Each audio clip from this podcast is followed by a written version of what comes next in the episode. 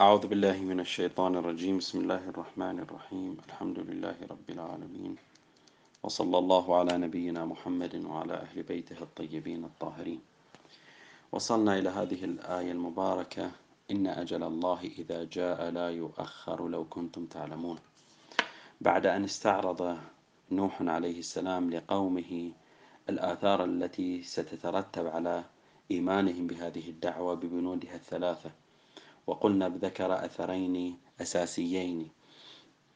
أحدهما أخروي والآخر دنيوي والأثر الأخروي هو غفران الذنوب وما يترتب عليه في الآخرة من جزاء وثواب ومراتب عليا. وأثر دنيوي وهو تأخير الأجل وتحدثنا عن مسألة تأخير الأجل وكيفية التعامل الإلهي مع الآجال في هذه الحياة الدنيا. ثم يعقب تعقب السورة المباركة تقول إن أجل الله إذا جاء لا يؤخر لو كنتم تعلمون.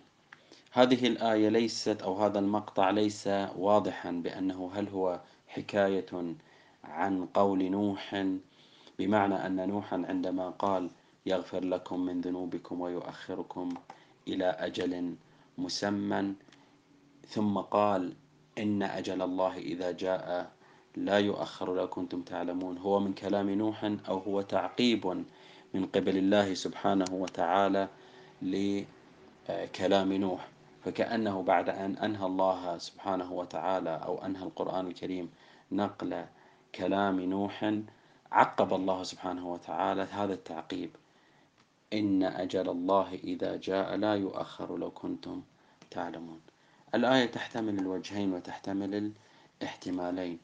ولكن ربما يؤيد أن هذا الكلام كان من كلام نوح قوله لو كنتم تعلمون فإنه يخاطب القوم بحسب سياق هذه الآية المباركة.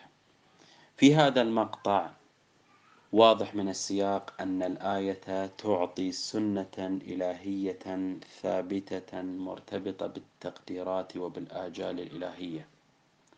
وهي أن الأجل المحتوم المقدر غير المشروط لا يؤخر وهو القرار النهائي في حق الإنسان وفي حق البشرية. يريد الله سبحانه وتعالى أن يعطي قاعدة أساسية للتعاطي مع تقديراته بالنسبة للإنسان فيقول له إن أجل الله لا يؤخر. إذا نزل قضاء الله وأجل الله فإنك لا تستطيع أن تدفعه. إن أردت أن تدفعه فادفعه قبل نزوله. وقبل حلوله عليك.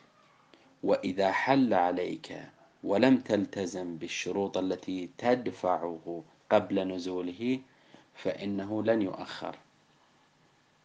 إن أجل الله إذا جاء لا يؤخر. لا يؤخر ربما يقال هنا ويثار أن هذه ليست قاعدة كلية وإنما هي خاصة بقوم, نوح. وكأن الله يقول إن الأجل الذي سوف أحله عليكم لو لم نعم تلتزموا وتقبلوا دعوة نوح فإنه لا يؤخر. نقول أن السياق سياق قاعدة وقانون إلهي وسنة ثابتة. بأن الأقدار الإلهية النتائج التي يقررها الله سبحانه وتعالى في المخالفات كقوانين وسنن إلهية فإنها لا تتبدل ولا يمكن دفعها إذا نزلت. أما قبل نزولها قبل أن يحل وقتها فإننا نستطيع أن ندفعها.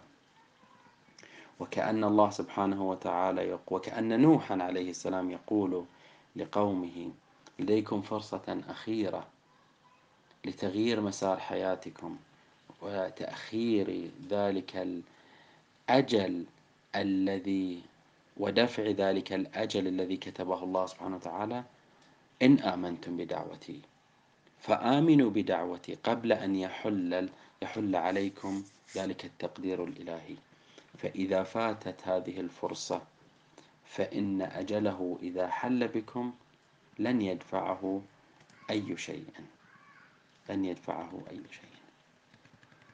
هذه نقطة مهمة مسألة ترتبط بالسنن الإلهية في إدارة هذا هذه الحياة. فإن هناك أحكام إلهية لا يمكن أن تتخلف وهي من الآجال المحتومة.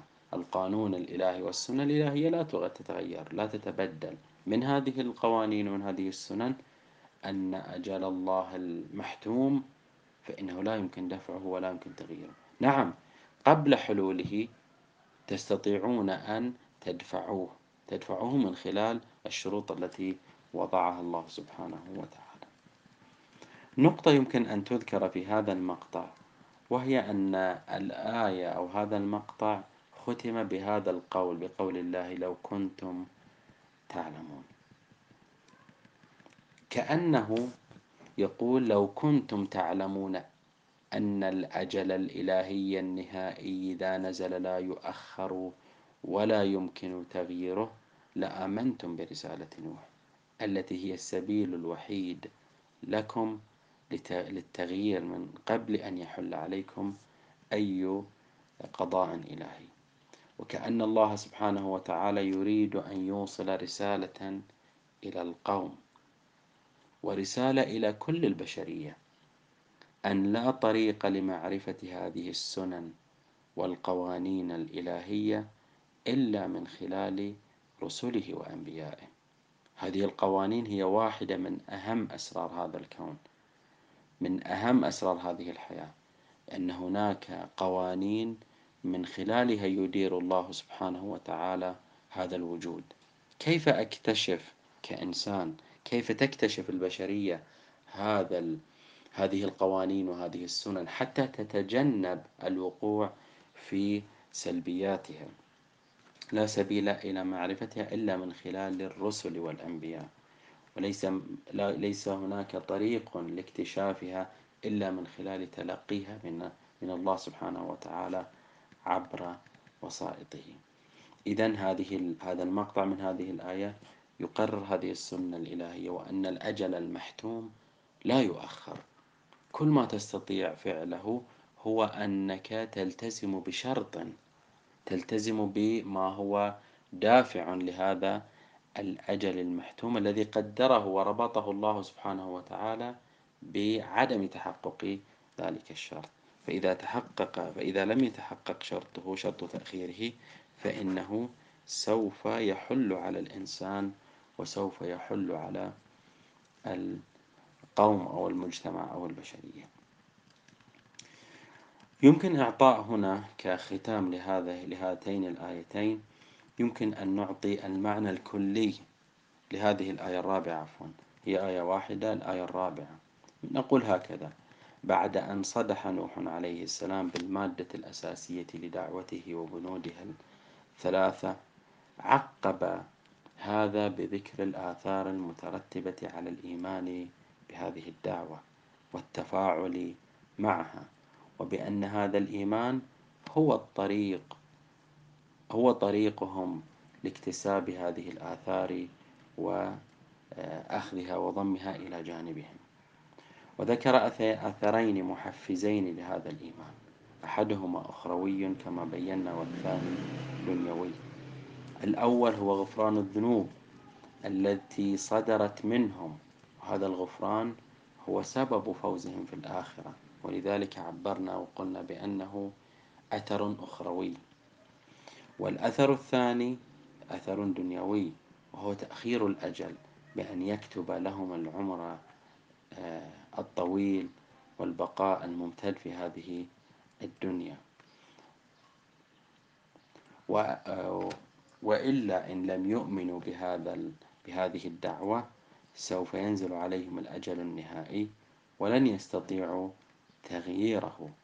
إذا هناك أجل قدر عليهم. مشروط هذا الأجل بأن لا يلتزموا بدعوة نوح. فإذا التزموا بدعوة نوح فإن هذا الأجل سوف يؤخر. بأن هذا المقدر سوف يؤخر. وإن هذا كله يعني هذين الأثرين قائم قائمان على سنة إلهية في مسألة تقدير الآجال عند الله عز وجل. والخلاصة التي يمكن أن نسجلها في هذه الآية أن الدعوة التغييرية التي جاء بها نوح ذات آثار دنيوية وأخروية. وبالتالي يمكن أن نقول بأن الدعوة التي لأن الله سبحانه وتعالى يمتلك أمر الدنيا والآخرة فإن رسالات فإن رسالاته رسالاته التي يبعثها إلى الناس تؤثر في في الدنيا كما أنها تؤثر في الآخرة. إلى هنا نكون قد انتهينا من الآية الرابعة من آيات هذه السورة المباركة. بعد ذلك تنتقل الآية أو تنتقل الصورة إلى قول الله سبحانه وتعالى. قال ربي إني دعوت قومي ليلا ونهارا فلم يزدهم دعائي إلا فرارا. وإني كلما دعوتهم لتغفر لهم جعلوا أصابعهم في آذانهم واستغشوا واستغشوا ثيابهم وأصروا واستكبروا استكبارا. ثم إني دعوتهم جهارا ثم إني أعلنت لهم وأسررت لهم إسرارا. الآن في هذا المقطع وما سيأتي من مقاطع تنتقل الصورة المباركة لتصوير تجاذبات الدعوة إلى الله التي عاشها نوح مع قومه. لم يستعمل القرآن الكريم الأسلوب السردي بأن قال أنه بعد أن دعاهم تمردوا عليه ولم يقبلوا دعوته وإنما نقلنا إلى حالة روحية عاشها نوح مع الله سبحانه وتعالى. كأن نوحا بعد أن كلفه الله في ذلك الحوار الفردي بتلك الرسالة مارس هذه الدعوة ثم عاد إلى الله سبحانه وتعالى. بعد بدأ يشكو إلى الله من خلال وصفه من لما لاقاه من القوم في مسيرته الرسالية. ومن الواضح أن هذه الشكوى لم تكن لإخبار الله بما جرى له وهو العالم سبحانه وتعالى.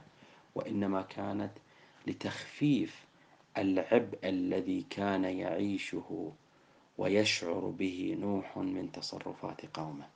فهي تكشف لنا هذا هذه الشكوى وهذا الحوار الفردي بين نوح وبين الله.